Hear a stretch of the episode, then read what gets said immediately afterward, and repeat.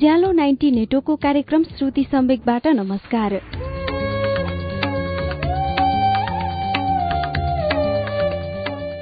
उज्यालो ninety network काठमाडौँसँगै देशभरिका अठारवटा FM स्टेशनहरूबाट हरेक मंगलबार र शुक्रबार राति सभा नौ बजे कार्यक्रम श्रुति सम्वेक प्रस्तुत हुन्छ। कार्यक्रम श्रुति सम्वेकमा हामी वरिष्ठ साहित्यकारहरूका उत्कृष्ट गद्यहरू वाचन गर्छौं। श्रुति सम्वेकको शुक्रबारको श्रृंखलामा हामीले गत सातादेखि एउटा अनुवादित उपन्यास शुरू गरेका छौं।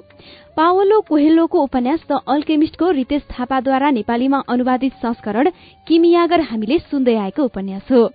यो उपन्यास विश्वभरि चौवन्न भन्दा बढ़ी भाषामा अनुवाद भइसकेको छ।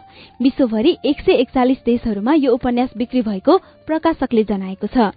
पावलो कोहेल्लोको यो उपन्यासले मानिसलाई आफ्नो सपना इच्छा र लक्ष्य पूरा गर्न प्रेरणा दिनुको साथै आफ्नो मनको कुरा सुन्न पनि सिकाउँछ।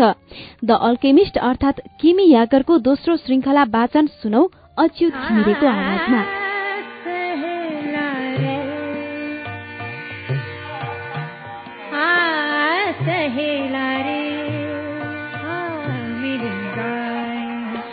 इल्याउ सुनको पातोबाट सेतो र कालो पत्थर झुकेर दिँदै भने यिनलाई युरिम र थुम्मिम भनिन्छ। कालो पत्थरले हो जनाउँछ भने सेतोले होइन। जब तिमी लक्षण बुझ्न सक्दैनौ यिनले तिमीलाई सहयोग पुर्याउनेछन्। सधैँ वस्तुगत हो वा होइन भन्ने खालको मात्र प्रश्न गर्नु। तर यदि तिमी आफै सक्छौ भने आफै निर्णय गर। खजाना पिरामिडमा छ त्यो तिमीलाई पहिले नै थाहा थियो। तर मैले तिमीलाई छ भेडा तिर्नमा कर गरेँ किनकि मैले तिमीलाई निर्णय गर्न सहयोग गरेँ। केटोले आफ्नो थैलीमा ती ढुङ्गाहरू राख्यो। त्यसपछि अब ऊ आफ्नै निर्णयहरू बनाउनेछ। जन्म जन्म को भूले अब के मिले सब तिमीले जति व्यवहार गरे पनि एक चिजसँग नबिर्साए अरू केहीसँग पनि होइन र लक्षणको भाषा पनि नभुल्नु र सबैभन्दा मुख्य कुरा त आफ्नो लक्ष्यको सुरुदेखि अन्त्यसम्म पछि पछि लाग्नु तर जानुभन्दा अगाडि म तिमीलाई एउटा सानो कथा भन्न चाहन्छु। एकजना व्यापारीले आफ्नो छोरालाई खुसीको रहस्य सिक्न भनी विश्वकै बुद्धिमान कहाँ पठाएछ? छोरो भने मरूभूमिमा चालिस दिनसम्म भौतारिएछ र अन्तमा एउटा पहाड़को महलमा आइपुगेछ। ती बुद्धिमान त्यहीँ बस्दा रहेछन्। बुद्धिमान व्यक्तिलाई छोडेर कथाको नायक त्यो केटो महलभित्र छिरेर त्यहाँ भइरहेका व्यस्त कार्यहरू हेर्न थाल्छ। व्यापारीहरू आउँदै जाँदै थिए। सानो बाधक समूह साधारण संगीत बजाउँदै थिए र एउटा पुरै टेबल त्यो भेगका सबैभन्दा मिठा मिठा भोजनहरूले सजिएका किस्तीले भरिभराउ थिए। बुद्धिमान व्यक्ति सबैसँग कुरा गर्दै थिए। बुद्धिमानको ध्यान त्यो केटोतिर पर्न उसलाई दुई घण्टासम्म कुर्नु पर्यो। केटो किन आएको भनी बुद्धिमान व्यक्तिले ध्यानपूर्वक सुने। त्यसै बेलामा खुसीको रहस्य भन्न उसलाई समय नभएको भनी बताए। त्यो व्यक्तिले केटोलाई महल घुमेर अब दुई घण्टापछि आउनु भनी भने।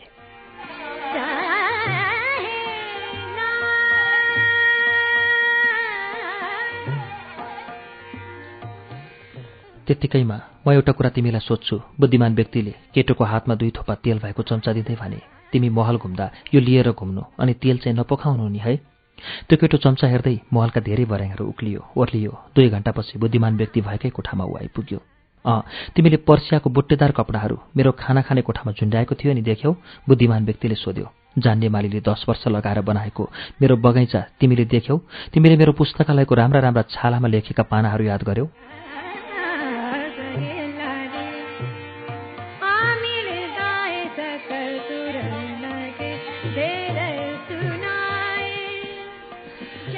त्यो केटो अप्ठ्यारोमा पर्यो अनि आफूले केही पनि अवलोकन नगरेको स्वीकार गर्यो। बुद्धिमान व्यक्तिले तेल नपोख्नु भनेकाले उसको एकाग्र ध्यान त तेलमा मात्र केन्द्रित थियो।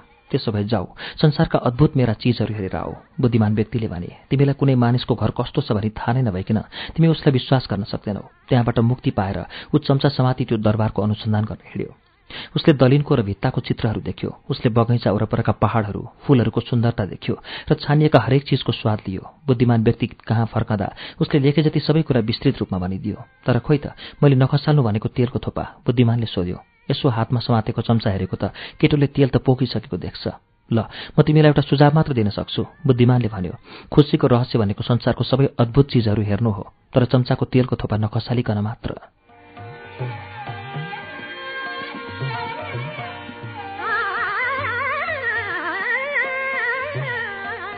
भेडा गोठालोले केही भनेन। बुढो राजाले भनेको त्यो कथा उसले बुझिसकेको थियो। एक भेडा गोठालोलाई भ्रमणको रहर त हुन्छ तर उसले आफ्ना भेडाहरूलाई बिर्सन भने हुँदैन। त्यो केटोको टाउकोमाथि हात जोडेर बुढोले निकै अचम्मका इसारा गरे। त्यसपछि आफ्ना भेडा लिएर ऊ हिँड्यो।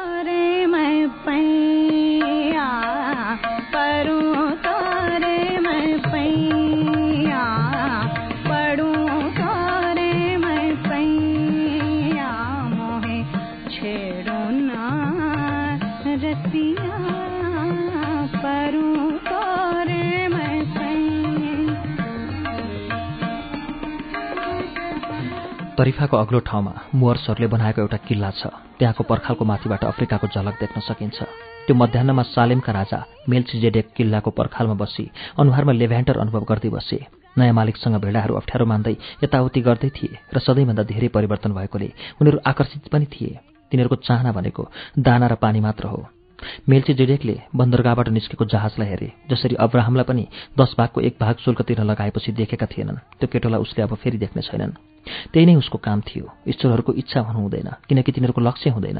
तर सालेमको राजा गम्भीर भएर केटोले सफलता प्राप्त गर्छ भन्ने आशामा थिए।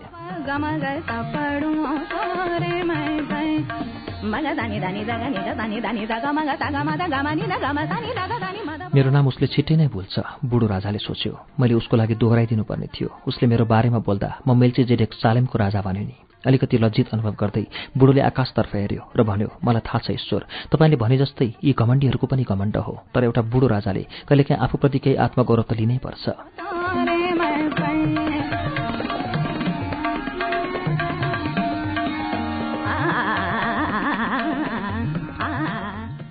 कस्तो अनौठो रहेछ अफ्रिका त्यो केटोले सोच्यो। ऊ बसिरहेको थियो। उसले त्यान्जियरको साबुरा सडकमा देखे जस्तै थियो। केही मानिसहरू हुक्का तान्दै थिए।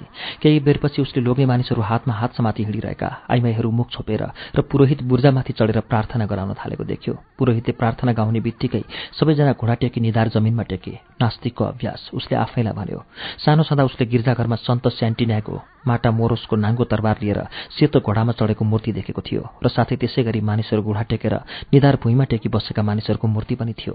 आफू एकदमै एक्लो भए जस्तो त्यो केटोले आपतको अनुभव गर्यो।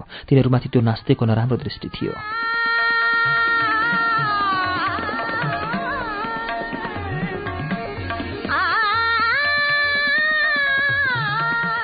त्यसबाहेक भ्रमणको हतारमा उसले एउटा कुरा नै बिर्सेछ।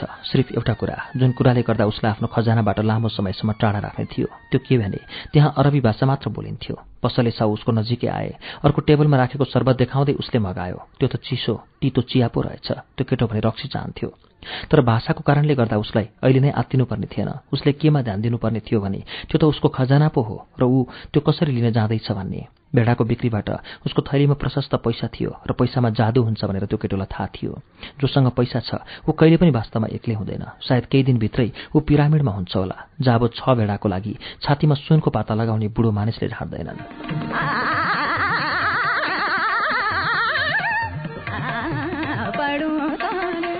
त्यो बुढो मानिसले चिन्ह र लक्षणको बारेमा भनेका थिए र केटोले जलडमरूमध्ये पार गर्दा तिनीहरूको बारेमा सोचेको थियो। जब त्यो केटोले एन्डालुसियाको मैदानमा दिनहरू बिताउँदै थियो उसलाई आकाश र जमिन हेरेर कुन बाटो जाने भनी छान्न गाह्रो परिसकेको थियो। निश्चित प्रकारका चरा देखिनु भनेको नजिकै कतै सर्प छ भन्ने बुझाउँथ्यो र निश्चित किसिमको झार देखिनु भनेको त्यो ओरपर पानी छ भन्ने सङ्केत थियो। उसका भेडाले यिनै सिकाएका थिए उसलाई। यदि ईश्वरले भेडाहरूलाई त्यति राम्रोसँग डोर्याउँछन् भने मानिसलाई पनि पक्कै बाटो देखाउँछन्। उसले सोच्यो र त्यो कुराले उसलाई ढाडस दियो। उसलाई चिया अब कम तितो लाग्यो।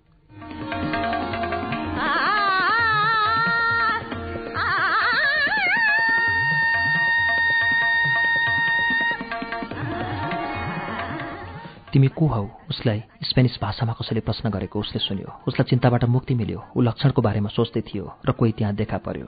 तिमीले कसरी स्पेनिस बोल्यौ? उसले सोध्यो त्यो नयाँ आउने जवान पश्चिमेली लुगामा थियो तर उसको छालाको रङ हेर्दा भने त्यही सहरको जस्तो देखिन्थ्यो। उसको र त्यो केटोको उमेर र उचाइ लगभग उस्तै उस्तै थियो।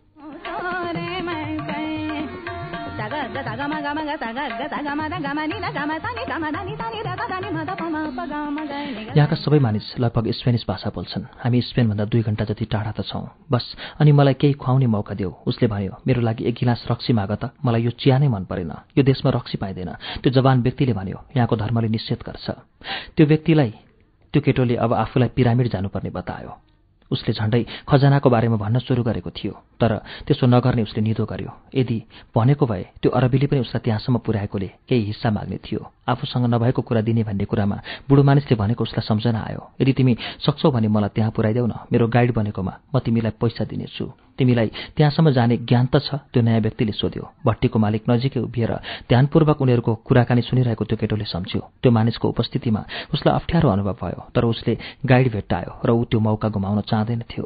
तिमीले सम्पूर्ण सारा मरूभूमि नै तयार गर्नुपर्छ त्यो जवान केटोले भन्यो र त्यसो गर्न पैसा चाहिन्छ अनि तिमीसँग प्रशस्त पैसा छ भने मैले थाहा पाउनु पर्यो।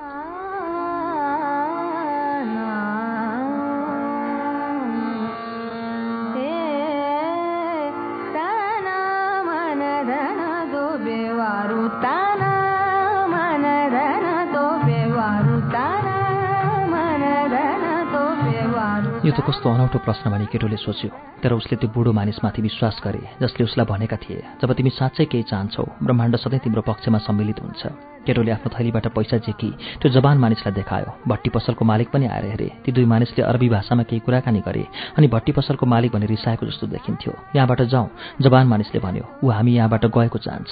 ऊ बिल तिर्न उठ्यो तर मालिक उसलाई समातेर रिस उठ्दा तरिकामा शब्दहरू ओखल्न थाल्यो। त्यो केटो बलियो थियो र प्रतिशोध लिन चाहन्थ्यो तर ऊ विदेशमा थियो। उसको नयाँ साथीले मालिकलाई पर धकेली उसलाई तानेर बाहिर लग्यो। ऊ तिम्रै पैसा चाहन्थ्यो नयाँ साथीले भन्यो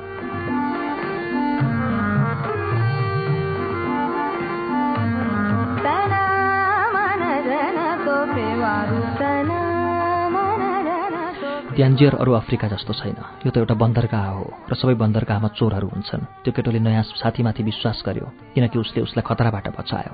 त्यो केटोले आफ्नै पैसा निकालेर गन्यो। त्यो पैसा लिँदै अर्कोले भन्यो हामी भोलिसम्म पिरामिडमा पुग्नेछौँ तर मलाई दुईवटा ऊँट किन्नु छ। ट्यान्जियरको साँगुरो सडकमा तिनीहरू सँगसँगै हिँडे। जताततै टहरोमा सामानहरू बेच्न राखेका थिए। बजार लागेको ठूलो चोकमा उनीहरू पुगे। हजारौं मानिसहरू त्यहाँ ओहोरदोहोर गर्दै किनमेल गर्दै थिए। छुरीहरूको छेउमा सागपात र सुर्तीसँगै गलैँचाहरू बेच्न राखेको थियो। तर केटोले आफ्नो नयाँ साथी बाहेक कतै हेरेन। हुन त सबै पैसा त्यही नयाँ साथीसँगै त थियो। उसले आफ्नो पैसा माग्ने विचार गर्यो तर बेमिरन्सार भइने जस्तो हुनाले उसले माग्न सकेन। यसलाई त्यो ठाउँको रीतिथिति केही थाहा थिएन।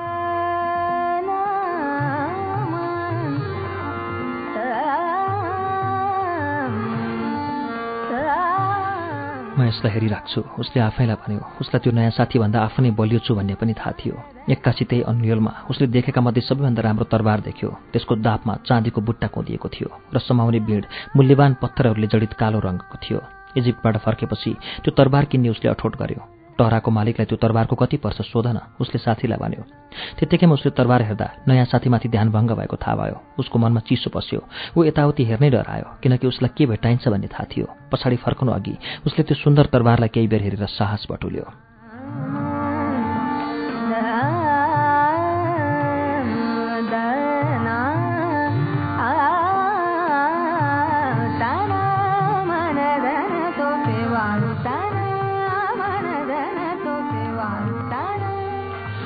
उसको वरपर त बजार थियो जहाँ मानिसहरू आउँदै जाँदै गर्दै थिए कराउँदै र किन्दै थिए र खानाको सुगन्ध तर कतै पनि उसले नयाँ साथीलाई भेटाउन सकेन।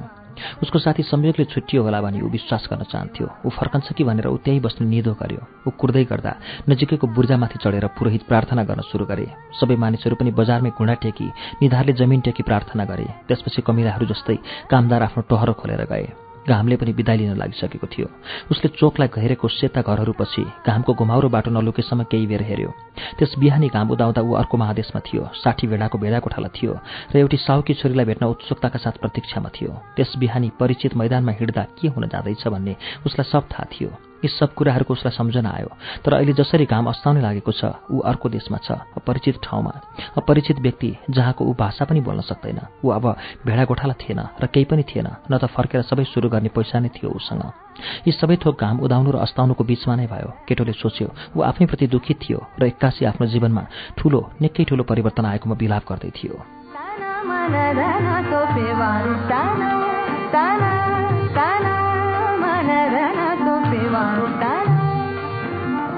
अति लज्जित हुँदै रुन चाहन्थ्यो। ऊ कहिले पनि आफ्ना भेडाहरूको अगाडि रोएको थिएन तर त्यो चोक बजार खाली थियो र ऊ घरबाट पनि टाढा थियो। त्यसैले ऊ रोयो। ऊ रोयो किनकि ईश्वर त्यहाँ अन्यायी थिए र ईश्वरले आफ्नो सपनामा विश्वास गर्नेहरूमाथि त्यस प्रकारले प्रतिशोध लिएका थिए। जब म मेरा भेडाहरू सँगसँगै थिएँ म खुसी थिएँ र मेरो वरिपरिकालाई पनि मैले खुसी तुलाएको थिएँ। म आएको देखेर मानिसहरू स्वागत गर्थे उसले सोच्यो तर म अहिले उदास छु एक्लै छु। अब मानिसहरूप्रति म अविश्वासी हुनेछु किनकि एकजना मानिसले मलाई विश्वासघात गर्यो। जसले आफ्ना खजाना पाएका छन् तिनलाई म घृणा गर्छु किनकि मैले मेरो खजाना खजाना कहिल्यै पाइन। मसँग जति धोरै छोरै छ म त्यसैमा सन्तुष्ट हुन्छु किनकि म विश्व जित्नलाई निकै तुच्छ हुनेछु के के सम्पत्ति बाँकी छ भने ऊ आफ्नो थैली खोली हेर्छ। सायद उसले जहाजमा खाएर बाँकी रहेको स्यान्डविच छ होला भनेर। तर उसले एउटा मोटो किताब उसको ज्याकेट र बुढोले दिएको दुईटा पत्थर मात्र भेट्यो। जब उसले पत्थरमा हेऱ्यो उसलाई केही कारणले गर्दा आराम अनुभव भयो उसले छवटा भेडासँग ती दुई मूल्यवान पत्थरहरू साटेको थियो। ती पत्थरहरू बेचेर उसले फर्कने टिकट किन्न सक्ने थियो। थैलीबाट पत्थरहरू झुकेर खल्तीमा राख्दै यसपालि अलि चनाखो हुने उसले विचार गर्यो। त्यो बन्दरगाहको बजार थियो र बन्दरगाहको बजारहरू चोरहरूले टन्ने हुन्छ भन्ने उसको साथीले एउटा मात्रै सत्य कुरा भनेको थियो।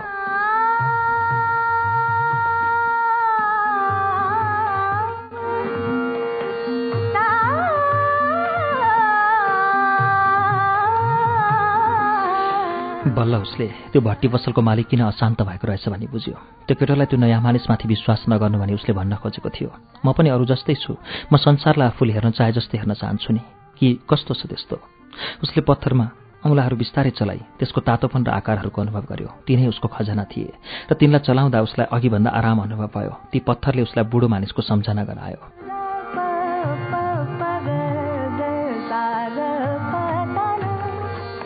जब तिमी केही चिजको चाहना गर्छौ तिमीलाई त्यो प्राप्त गर्न ब्रह्माण्ड नै सहयोगको लागि सम्मिलित हुन्छ बुढोले भनेको थियो। त्यो बुढोले भनेको सत्य बुझ्ने कोसिसमा थियो ऊ। एक पैसा पनि नभइकन र भेडाहरूलाई पनि रातभर कुरा नपरिकन ऊ खाली चोक बजारमा थियो। तर राजा जसलाई उसको विगत थाहा थियो उसलाई भेटेको सबुतको रूपमा उसँग ती पत्थरहरू मात्र थिए। तिनीहरूलाई युरिम र थुम्मी भनिन्छ र तिनीहरूको लक्षण बुझ्न मद्दत पुर्याउनेछन्।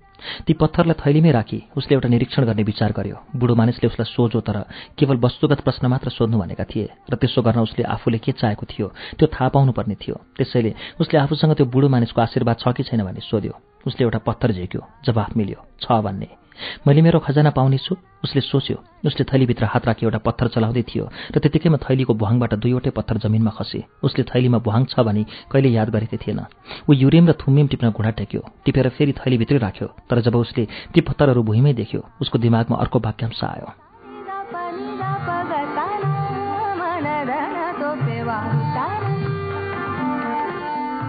लक्षण चिन्न जानौ र तिनलाई पछ्याउँ। त्यो बुढो राजाले भनेका थिए लक्षण केटो आफूमै मुस्कुरायो। ती दुईवटा पत्थर टिप्यो र फेरि थैलीभित्रै राख्यो। उसले त्यो भुवाङ टाल्ने बारेमा सोचेन। चाहेमा जुनसुकै बेलामा पनि ती ढुङ्गा त खस्न सक्थे। आफ्नो लक्ष्यबाट नभाग्नको लागि कतिपय कुरा सोध्न नहुने उसले जानेको थियो। अब म आफ्नो निर्णय आफै बनाउँछु भने म बाचा बाँच्छु उसले मनमा नै गम्यो। तर ती पत्थरहरूले त बुढो मानिस अझै उसँगै भनेका थिए र ती कुराले उसलाई निर्धक्क तुल्याएको थियो। खाली चोकमा फेरि उसले यताउति हेऱ्यो। त्यो ठाउँ अनौठो थिएन। त्यो त नयाँ थियो।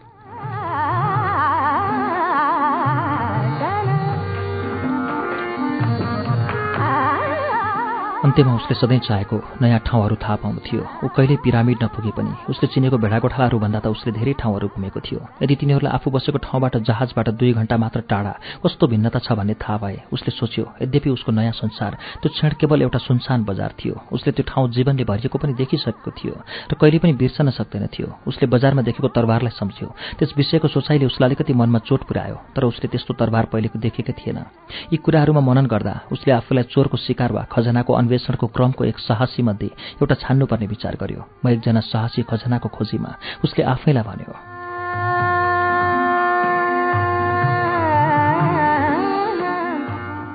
हामी अहिले उज्यालो नाइन्टी नेटवर्कको कार्यक्रम श्रुति सम्वेकमा पावलो कोहेल्लोको उपन्यास द अल्केमिस्ट सुनिरहेका छौं। यसलाई रितेश थापाले नेपालीमा अनुवाद गर्नुभएको हो। केही बेरपछि यसको बाँकी अंश वाचन निरन्तर हुनेछ। उज्यालो सुन्दै गर्नुहोला।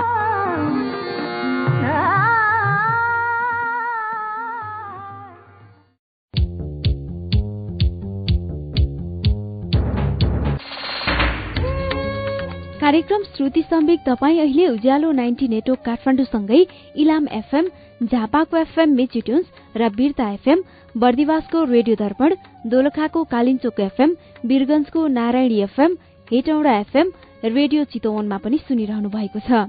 त्यसै गरी फलेवासको रेडियो पर्वत गुल्मीको रेडियो रेसुङ्गा पोखराको रेडियो तरंगमा पनि श्रुति सम्वेक सुन्दै हुनुहुन्छ। रेडियो प्युठान दाङको रेडियो मध्यपश्चिम कपिलवस्तुको रेडियो बुद्ध आवाज भेरीको रेडियो कोहलपुर सल्यानको रेडियो राप्ती सुर्खेतको रेडियो भेरी र जुम्लाको रेडियो कर्णालीबाट पनि अहिले एकैसाथ श्रुति सम्वेक प्रसारण भइरहेको छ। श्रुति सम्वेकको आजको श्रृंखलामा हामी पावल्लो कोहेल्लोको द अल्केमिस्ट उपन्यास सुनिरहेका छौं। अब यसको बाँकी अंश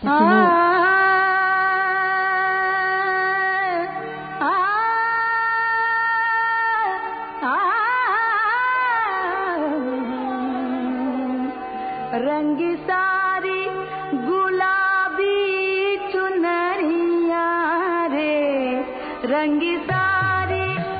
कसैको घचघच्याटबाट उभिउँजियो बजारको बीचमै ऊ निधाएको थियो र चोकको दिनचर्या पनि सुरु हुन थालेको थियो। वरपर हेरी ऊ आफ्ना भेडाहरूलाई खोज्यो र त्यसपछि आफू अर्कै संसारमा भएको ज्ञान भयो। अनि दुखी हुनुको साटो ऊ त खुसी थियो। उसलाई भेडाहरूको लागि दाना र पानी खोजी राख्नुपर्ने थिएन। त्यसको साटो उता आफ्नो खजनाको खोजीमा थियो। उसँग खल्तीमा एक पैसा पनि थिएन तर आस्था र विश्वास थियो। अघिल्लो रातमा नै धेरै साहसी हुने उसले निदो गरेको थियो। ऊ बिस्तारै बजार भएर हिँड्यो। व्यापारीहरू आफ्ना पसलहरू मिलाउँदै थिए। त्यो मिठाई व्यापारीहरूलाई सहयोग गर्यो। मिठाई पसलले साउको मुहारमा मुस्कान थियो। ऊ आफ्नो जीवनबारे सचेत भई खुसी थियो र दैनिक कार्य गर्न तयार पनि थियो। उसको मुस्कानले त्यो केटोलाई त्यो बुढो राजाको सम्झना आयो। ती बुढो अनौठा राजा जसलाई उसले भेटेको थियो यो मिठाई पसले व्यापारीले कुनै पसलेको छोरीसँग विवाह गर्न वा पछि गएर घुमफिर गर्न मिठाई बनाएको होइन। ऊ मिठाई बनाइरहन्छ बेचिरहन्छ किनकि ऊ यस्तै गर्न चाहन्छ त्यो केटोले सोच्यो।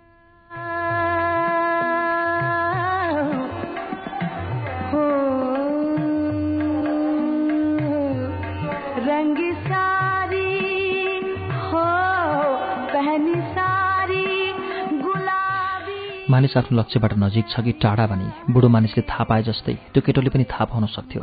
बस तिनीहरूलाई हेरेर मात्र यो सरल छ र पनि मैले पहिले कहिले यसो गरिनँ भनी उसले सोच्यो। पसल बनाइसकेपछि त्यो मिठाई पसलले उसलाई त्यस दिन बनाएको पहिलो मिठाई दियो। केटोले उसलाई धन्यवाद दियो। खायो र आफ्नै बाटो लाग्यो। केही पर पुगेपछि मात्र टहर उभ्याउँदा तिनीहरू एकजना अरबी र अर्को स्पेनिस भाषामा कुरा गरिरहेका थिए भने उसले थाहा पायो र तिनीहरू एक आपसमा पूर्ण रूपले एकअर्कालाई बुझिरहेका थिए। शब्दमा भर्न पर्न पनि भाषा हुनुपर्छ उसले सोच्यो। मलाई यसको अनुभव पहिले नै भेडाहरूसँग त भइसक्यो र अब मानिसहरूसँग पनि हुन थाल्दैछ।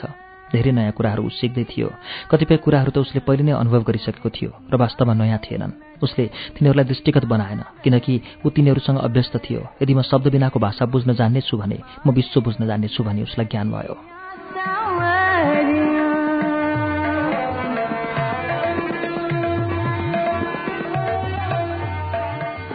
ऊ आरामसँग नहडबडाइकन त्यान्जियरको साँगु र सडक हुँदै हिँड्ने सङ्कल्प गर्यो। त्यस प्रकारले मात्र ऊ लक्षण चिन्न सफल हुने थियो। यसलाई निकै धैर्यता चाहिन्छ भने उसलाई थाहा थियो तर भेडा गोठालाहरूलाई धैर्यताको बारेमा सबै ज्ञान हुन्छ। त्यो अनौठो ठाउँमा फेरि एकपटक ऊ आफ्ना भेडाहरूसँग सिकेको कुरा प्रयोगमा ल्याउँदै थियो। सबै वस्तु एकै हुन् बुढो मानिसले भनेका थिए। स्पटिका व्यापारी दिनसँगै उठेर उही चिन्ता गरे जुन उनी हरेक बिहान अनुभव गर्दथे। डाँडाको सडकको माथि टुप्पोमा रहेको पसलमा जहाँ थोरै ग्राहकहरू जान्थे उनी त्यही नै तीस वर्षदेखि बस्दै आएका थिए। त्यहाँ कुनै कुराको पनि परिवर्तन गर्न अब निकै ढिला भइसकेको थियो। उसले सिकेको भनेको केवल सिसाका भाँडाहरूको किनबेच मात्र थियो। त्यस्तो बेला पनि थियो जब धेरै मानिसहरूलाई उसको पसलको बारेमा थाहा थियो। अरबी व्यापारी फ्रेन्च र अङ्ग्रेजी भूवैज्ञानिक र जर्मनी फौजीहरू जो सधैँ राम्रो एडी भएको जुत्ता लगाउँथे त्यस्ताका सिसाको व्यापार गर्नु अति उत्तम थियो र उसले आफू धनी हुन्छु भनी सोचेको थियो र जब ऊ बुढो हुन्छ त्यसवखत उसको छेउमा राम्रा श्रीमती पनि हुन्छन्।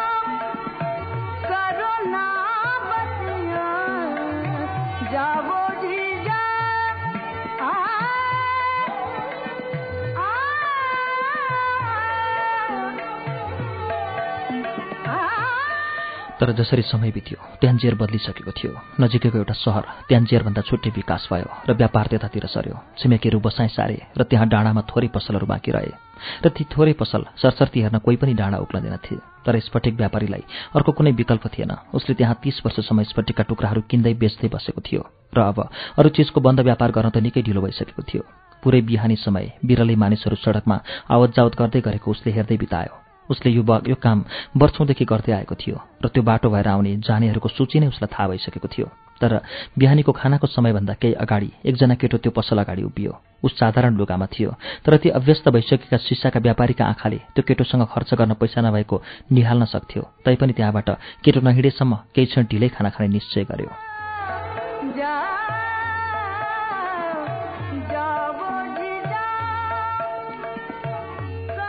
ढोकामा झुन्ड्याइएको बोर्डमा लेखेको थियो यस पसलमा धेरै भाषाहरू बोलिन्छन्। त्यो केटोले पसलमा लेनदेन गर्ने टेबल पछाडि मानिस आइपुगेको देख्यो। तिमी चाहन्छौ भने म झ्यालका ती सिसाहरू सफा गरिदिनेछु त्यो केटोले भन्यो।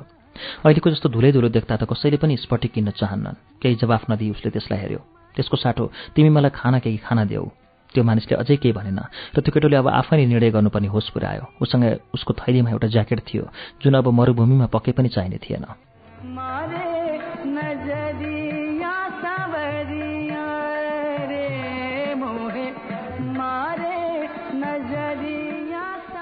ज्याकेट झिकेर ऊ सिसाहरू सफा गर्न थाल्यो। आधा घन्टाभित्रै उसले झ्यालका सबै सिसा र स्फटिकहरू सफा गर्यो। ऊ सिसाहरू सफा गर्दै गरेको बेला दुईजना ग्राहक पछि केही स्फटिक पनि किनेछन्। सफाईको काम सिद्ध्याएपछि उसले त्यो मानिससँग खानाको लागि केही माग्यो। स्फटिक पसलेले हिँड खाना खान जाउँ भन्यो। उसले ढोकामा बन्द छ भन्ने सङ्केत राखी तिनीहरू नजिकैको खाना खाने ठाउँमा गए। जब तिनीहरू त्यहाँ एउटै मात्र टेबलमा बस्दै थिए त्यो स्फटिक व्यापारी हाँस्यो तिमीले सफा गर्नुपर्ने नै थिएन। उसले भन्यो कुरानले मलाई भोको मानिसलाई खुवाउने आज्ञा दिन्छ। त्यसो भए तपाईँले मलाई किन त्यसो गर्न दिनुभएको त? त्यो केटोले सोध्यो किनकि ती सिसाहरू मैला थिए अनि हामी दुवैले नकारात्मक सोचाइहरू पखाल्नुपर्छ। खाना खाइसकेपछि केटोतिर फर्कँदै व्यापारीले भन्यो म तिमीले मेरो पसलमा काम गरेको चाहन्छु। तिमी काम गरिरहेको बेला आज दुईजना ग्राहक आए र त्यो राम्रो लक्षण थियो।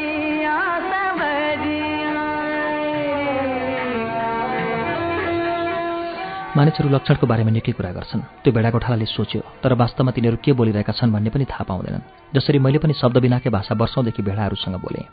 मेरो लागि तिमी काम गर्न चाहन्छौ? व्यापारीले सोध्यो आजको बाँकी दिन म पुरा काम गर्छु। केटोले जवाफ दियो म पुरै रात र भोलि बिहानसम्म काम गर्छु र तपाईँको पसलको प्रत्येक स्फटिक सफा पार्छु। यसको साटोमा तपाईँले मलाई भोलि इजिप्ट जाने पैसा दिनुपर्छ। व्यापारी हाँस्यो। यदि तिमीले पुरै वर्ष दिनभरि मेरो स्फटिक सफा गरे पनि प्रत्येक बिक्री भएका स्फटिकमा राम्रो कमिसन पाए पनि तिमीले इजिप्ट जान अझै पैसा सापट लिनुपर्छ। यहाँ र त्यहाँको बिचमा हजारौँ किलोमिटरको मरुभूमि छ।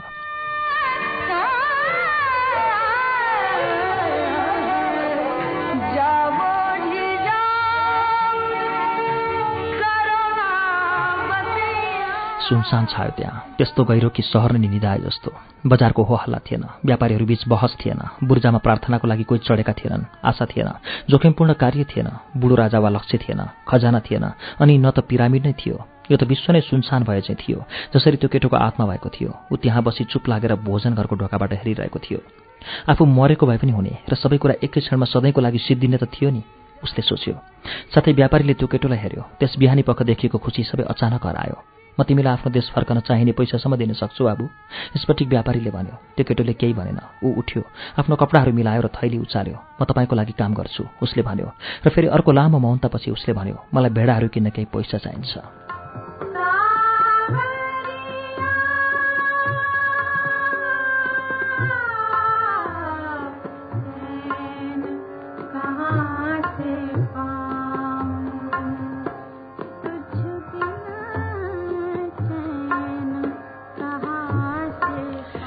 त्यो केटोले स्फटिक पसले साउका काम गरेको पनि झन्डै एक महिना नै भइसकेको थियो। त्यस किसिमको कामले उसलाई खासै खुसी बनाउने भने थिएन भने ऊ जान्दथ्यो साउजी सारा दिन काउन्टर पछाडि गनगनाउँदै केटोलाई स्फटिकका टुक्राहरूप्रति निकै ध्यानपूर्वक काम गर्नु र केही पनि नफुटाउनु भन्ने गर्दथे। तर पनि ऊ त्यहीँ बस्यो किनकि साउजी एकदमै बुढो नै भए पनि उसँग राम्रै व्यवहार गर्थ्यो। बेचेको प्रत्येक सामानमा केटोले राम्रो कमिसन पाउँथ्यो र केही पैसा जम्मा गर्न पनि सक्षम भइसकेको थियो। त्यो बिहानी उसले केही हिसाब गर्यो। यदि उसले अहिले काम गरे जस्तै काम गर्ने हो भने केही भेडा किन्ने पैसा जम्मा गर्न त उसलाई पुरै एक वर्ष लाग्नेछ। मलाई एउटा स्फटिकहरूको लागि प्रदर्शनी बाकस बनाउने मन छ केटोले साउजीलाई भन्यो। त्यसलाई बाहिर राखेर हिँड्ने मानिसहरूलाई हामी आकर्षित गर्न सक्छौँ। मैले त्यस्तो कहिले बनाएकै छैन साउले जवाफ दियो। मानिसहरू त्यसको अगाडिबाट हिँड्छन् र ठोकिन्छन् अनि त स्फटिकहरू फुट्छन्। अँ मैले पनि मेरा भेडा बाख्राहरूलाई मैदानमा लैजाँदा सर्प आएको भए केही त मर्थे होला नि तर भेडा र गोठालाहरूको जीवन यस्तै पद्धति हो। साउजी ग्राहकतिर फर्के जो तिनवटा स्पट्टिका गिलास किन्न चाहन्थ्यो। सधैँको भन्दा ऊ राम्रो व्यापार गर्दै थियो जस्तो समय नै ती पुराना दिनहरूमा परिवर्तन भए जस्तै अब त्यो बजार ट्यान्जियरको मुख्य आकर्षण थियो।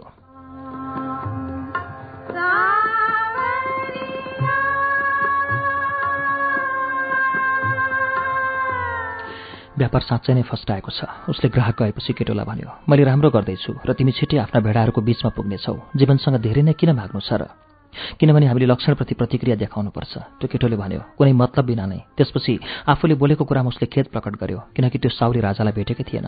यसलाई समर्थनको सिद्धान्त भनिन्छ अर्थात् सुरुवातकर्ताको भाग्य किनकि जीवनले तिम्रो आफ्नो लक्ष्य पूरा होस् भनी चाहन्छ।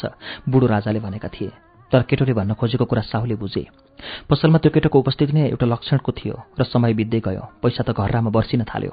केटोलाई काम गर्न राखेकोमा साउलाई केही पछुतो थिएन। केटोले त उसको योग्यभन्दा पनि बढी पैसा पाउन थाल्यो। किनकि यदि उसलाई बढी कमिसन नदिएको भए उसको व्यापार पनि त्यति बढ्ने थिएन भनी साउले सोच्यो। अब केटो छिट्टै आफ्ना भेडाहरू भएतिर फर्कनेछ भनी उसले अनुमान गर्यो।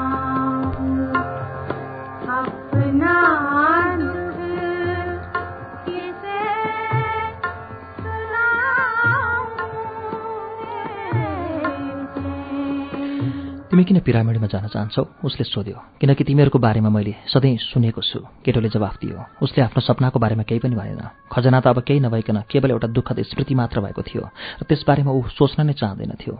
मलाई त्यस्ता केही पनि छन् जस्तो लाग्दैन जो सारा मरुभूमि नै पार गरी पिरामिड हेर्न खोज्छन् साउले भन्यो। कि त केवल ढुङ्गाहरूका चाङ त हुन् नि? तिमी पनि घर पछाडि एउटा पिरामिड बनाउन सक्छौ। तपाईँलाई भ्रमणको कहिले पनि चाहना भएन? केटोले साउलाई भन्दै भित्र पसेका ग्राहकतिर फर्कियो। दुई दिनपछि साउजीले केटोसँग प्रदर्शनीबारे कुरा गरे। मलाई त्यतिको मन लाग्दैन उसले भन्यो। तिमी र म हसन जस्तो धनाढ्य साउ होइन। उसले किन्न गल्ती गर्यो भने पनि उसलाई त्यति फरक पर्दैन। तर हामी दुवैजनालाई भने जीवनभर त्यो भूल बोकेर बाँच्नुपर्छ। त्यो कुरा साँचो हो। केटोले दुखित भएर सोच्यो तिमी किन हामीले प्रदर्शनी बाकस राख्नुपर्छ भनी सोच्दैछौ? साउले सोध्यो छिट्टै नै म आफ्ना भेडाहरू बीच जान चाहन्छु। हाम्रो भाग्यले जब साथ दिन्छ हामीले फाइदा लिइहाल्नुपर्छ र हामीलाई सहयोग गर्न यसले जे जति गरिरहेछ हामीले पनि त्यति नै गर्नुपर्छ। यसलाई नै समर्थनको सिद्धान्त भनिन्छ अथवा सुरुवातकर्ताको भाग्य।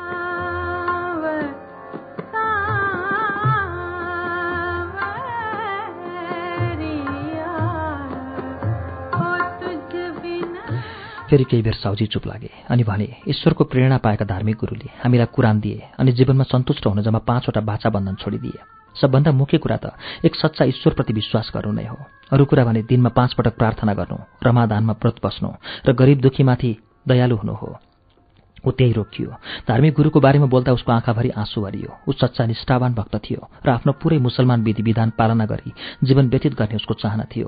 पाँचौँ बाछा बन्धन भनेको के हो?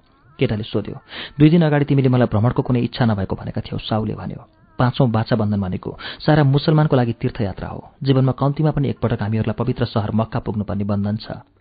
मक्का त पिरामिडभन्दा पनि अझै टाढा छ। म जब जवान थिएँ मैले चाहेको भन्नु नै यस पसलको स्थापनाको पैसा जम्मा गर्नु। कुनै दिन म धनी हुन्छु र मक्का जान्छु भनी म सोच्थेँ। मैले केही पैसा त कमाएँ तर मैले कसैलाई पनि यो पसल जिम्मा लगाइ जान सकिनँ किनकि यी स्पट्टिका साहरू संवेदनशील छन्। त्यसबेला म जब मानिसहरू मेरो पसल अगाडिबाट मक्कातिर गइरहेको हुन्थे कोही त धनी यात्री हुन्थे जो पुरै नोकर चाकरसहित ऊँटमा सफर गर्थे तर धेरै मानिसहरू भने मभन्दा पनि गरिब थिए।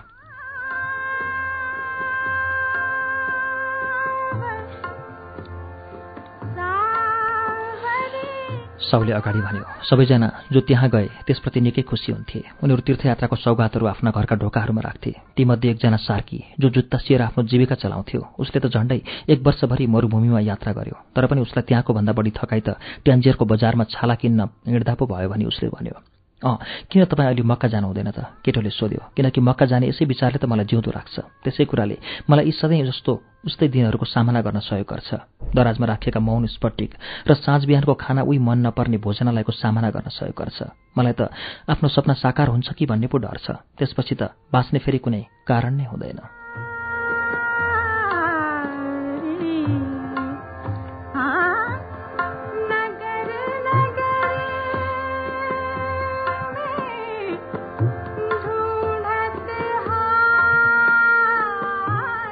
तिमीले तिम्रो भेडा र पिरामिडको सपना देख्यौ अनि तिमी आफ्नो सपना साकार पार्न चाहन्छौ। म त केवल मक्काको सपना देख्न चाहन्छु। मैले त हजारौँ पटक मरुभूमि पार गरेको पवित्र पत्थर भएको चोकमा पुगेको र आफूले त्यो पत्थरलाई छुनुभन्दा पहिले सातचोटि घुमेको कल्पना गरिसकेको छु। मैले त मेरो अगाडि पछाडिका व्यक्तिहरू उनीहरूसँगको कुराकानी र प्रार्थनाहरूको पनि कल्पना गरिसकेँ। तर यी सबै निराशामा परिणत हुन्छन् भनी मलाई डर छ। त्यसैले म यसबारेमा कल्पना गर्न मात्रै रुचाउँछु। साउले त्यस दिन केटोलाई प्रदर्शनीको बाकस बनाउने अनुमति दिए। उसको कल्पनाको सोच यसरी साकार भएको सबैले देख्ने छैनन्।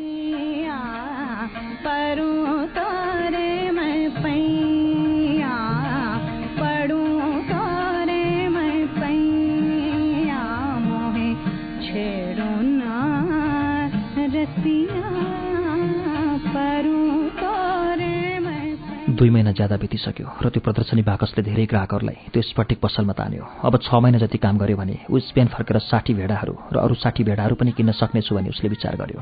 वर्ष दिन पनि नपुग्दै ऊ आफ्ना भेडाहरूको बगाल पनि दोबर बनाउन सक्ने र अरबीहरूसँग व्यापार गर्न सक्ने पनि हुने भयो। किनकि अब त ऊ तिनीहरूको अचम्मको भाषा पनि बोल्न सक्ने भइसकेको थियो। त्यस बिहानदेखि उसले युरिम र थुम्मिमको प्रयोग गरेकै थिएन किनकि त्यसबेला उसलाई इजिप्ट एउटा टाढाको सपना जस्तो लाग्यो जसरी साउला मक्का थियो।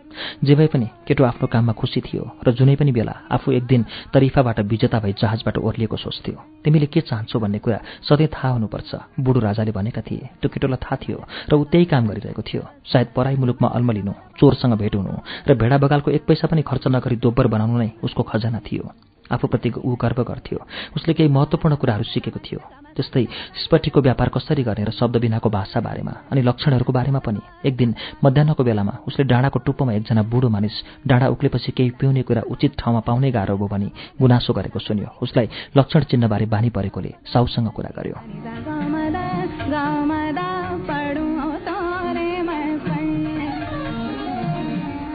हामी डाँडा उक्लने मानिसहरूलाई चिया बेच्छौँ केटोले भन्यो। यतातिर धेरैले चिया बेच्छन् साउले भन्यो। तर हामी स्पट्टिका गिलासमा बेच्न सक्छौँ। मानिसहरू यसमा पिउन रमाउँछन् र गिलासहरू पनि किन्छन्। सुन्दरताले मानिसको मन लोभ्याउँछ भनेर मैले सुनेको थिएँ।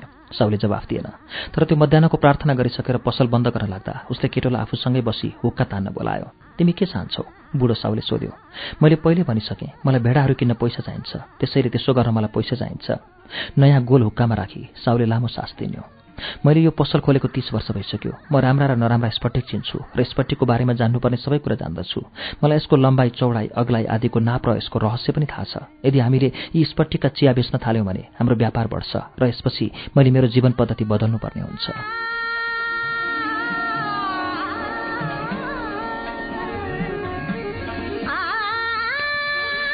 केटोले भन्यो ल यो राम्रो कुरा होइन त।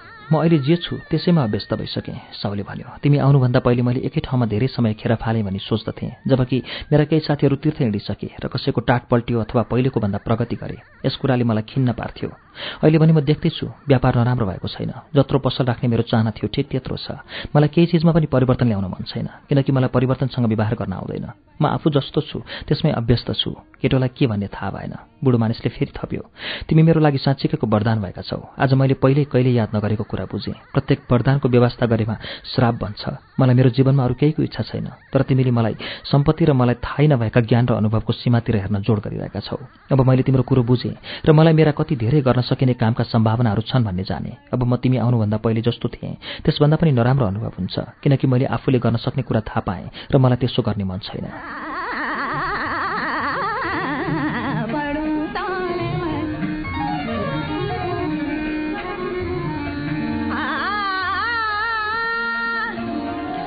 त्यो राम्रो थियो। मैले तरिफाको रोटी पसलेलाई केही भन्न पछि हटेँ। आफैलाई मनमनै केटोले भन्यो। घाम डुब्नै लाग्दा केही बेरसम्म तिनीहरू हुक्का तान्दै रहे। तिनीहरू अरबी भाषामा कुरा गरिरहेका थिए र त्यसो गर्न सकेकोमा केटो आफैप्रति मख थियो। त्यस्तो बेला पनि थियो जब ऊ आफूले संसारमा जान्नुपर्ने कुराहरू सबै भेडाले सिकाउँथे भनी सोच्थ्यो। तर तिनीहरूलाई उसलाई अरबी भाषा भने कहिले सिकाउने थिएनन्। सायद संसारमा अरू कुराहरू पनि छन् होला जुन मलाई भेडाहरूले सिकाउन सक्दैनन् भनी सोच्दै उसले साउतिर ध्यान दियो। तिनीहरूले सधैँ गर्ने भनेको कुरा खाना र पानीको खोज त थियो र सायद यो कुरा उनीहरूले मलाई सिकाएका होइनन्।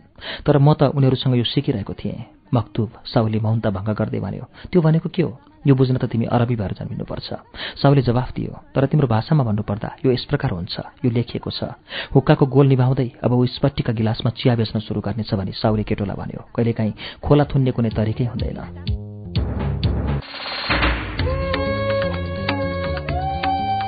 कार्यक्रम श्रुति सम्वेगमा अहिले सुनेको वाचन पावल्लो कोहेल्लोद्वारा लिखित उपन्यास द अल्केमिस्ट हो। यस पुस्तकलाई रितेश थापाले नेपालीमा अनुवाद गरेका हुन्। वाल्डेन बुक हाउस क्षेत्रपाटीले यो पुस्तक प्रकाशनमा ल्याएको हो। पृष्ठ बाहुन्नमा आएर हामीले आजको वाचन रोकेका छौं। अर्को हप्ता आजकै दिन आजकै समयमा द अल्केमिस्ट अर्थात किमियागर वाचनको तेस्रो श्रृंखला सुन्नेछौ त्यसअघि मंगलबारको श्रुति सम्वेकमा विश्वेश्वर प्रसाद कोइरालाको उपन्यास सुम्निमा सुन्नेछौ। यससँगै आजलाई कार्यक्रम श्रुति सम्वेक यति नै। कार्यक्रम श्रुति सम्वेकबाट विदा हुनु अघि हाम्रो ठेगाना यस प्रकार छ। कार्यक्रम Shruti Sambek Ujyaalo ninety network post box number छ चार छ नौ काठमाडौँ। यदि तपाईँ इमेलबाट आफ्नो प्रतिक्रिया दिन चाहनुहुन्छ भने हाम्रो इमेल ठेगाना हो S H R U T I Shruti at UNN dot com dot NP हवस् त आजका लागि प्राविधिक साथी दिनेश निरौला र सशिन्द्र गौतमसँगै आख्यान वाचक अच्युत घिमिरे र म सजिता हमाल विदा चाहन्छौ। शुभरात्री।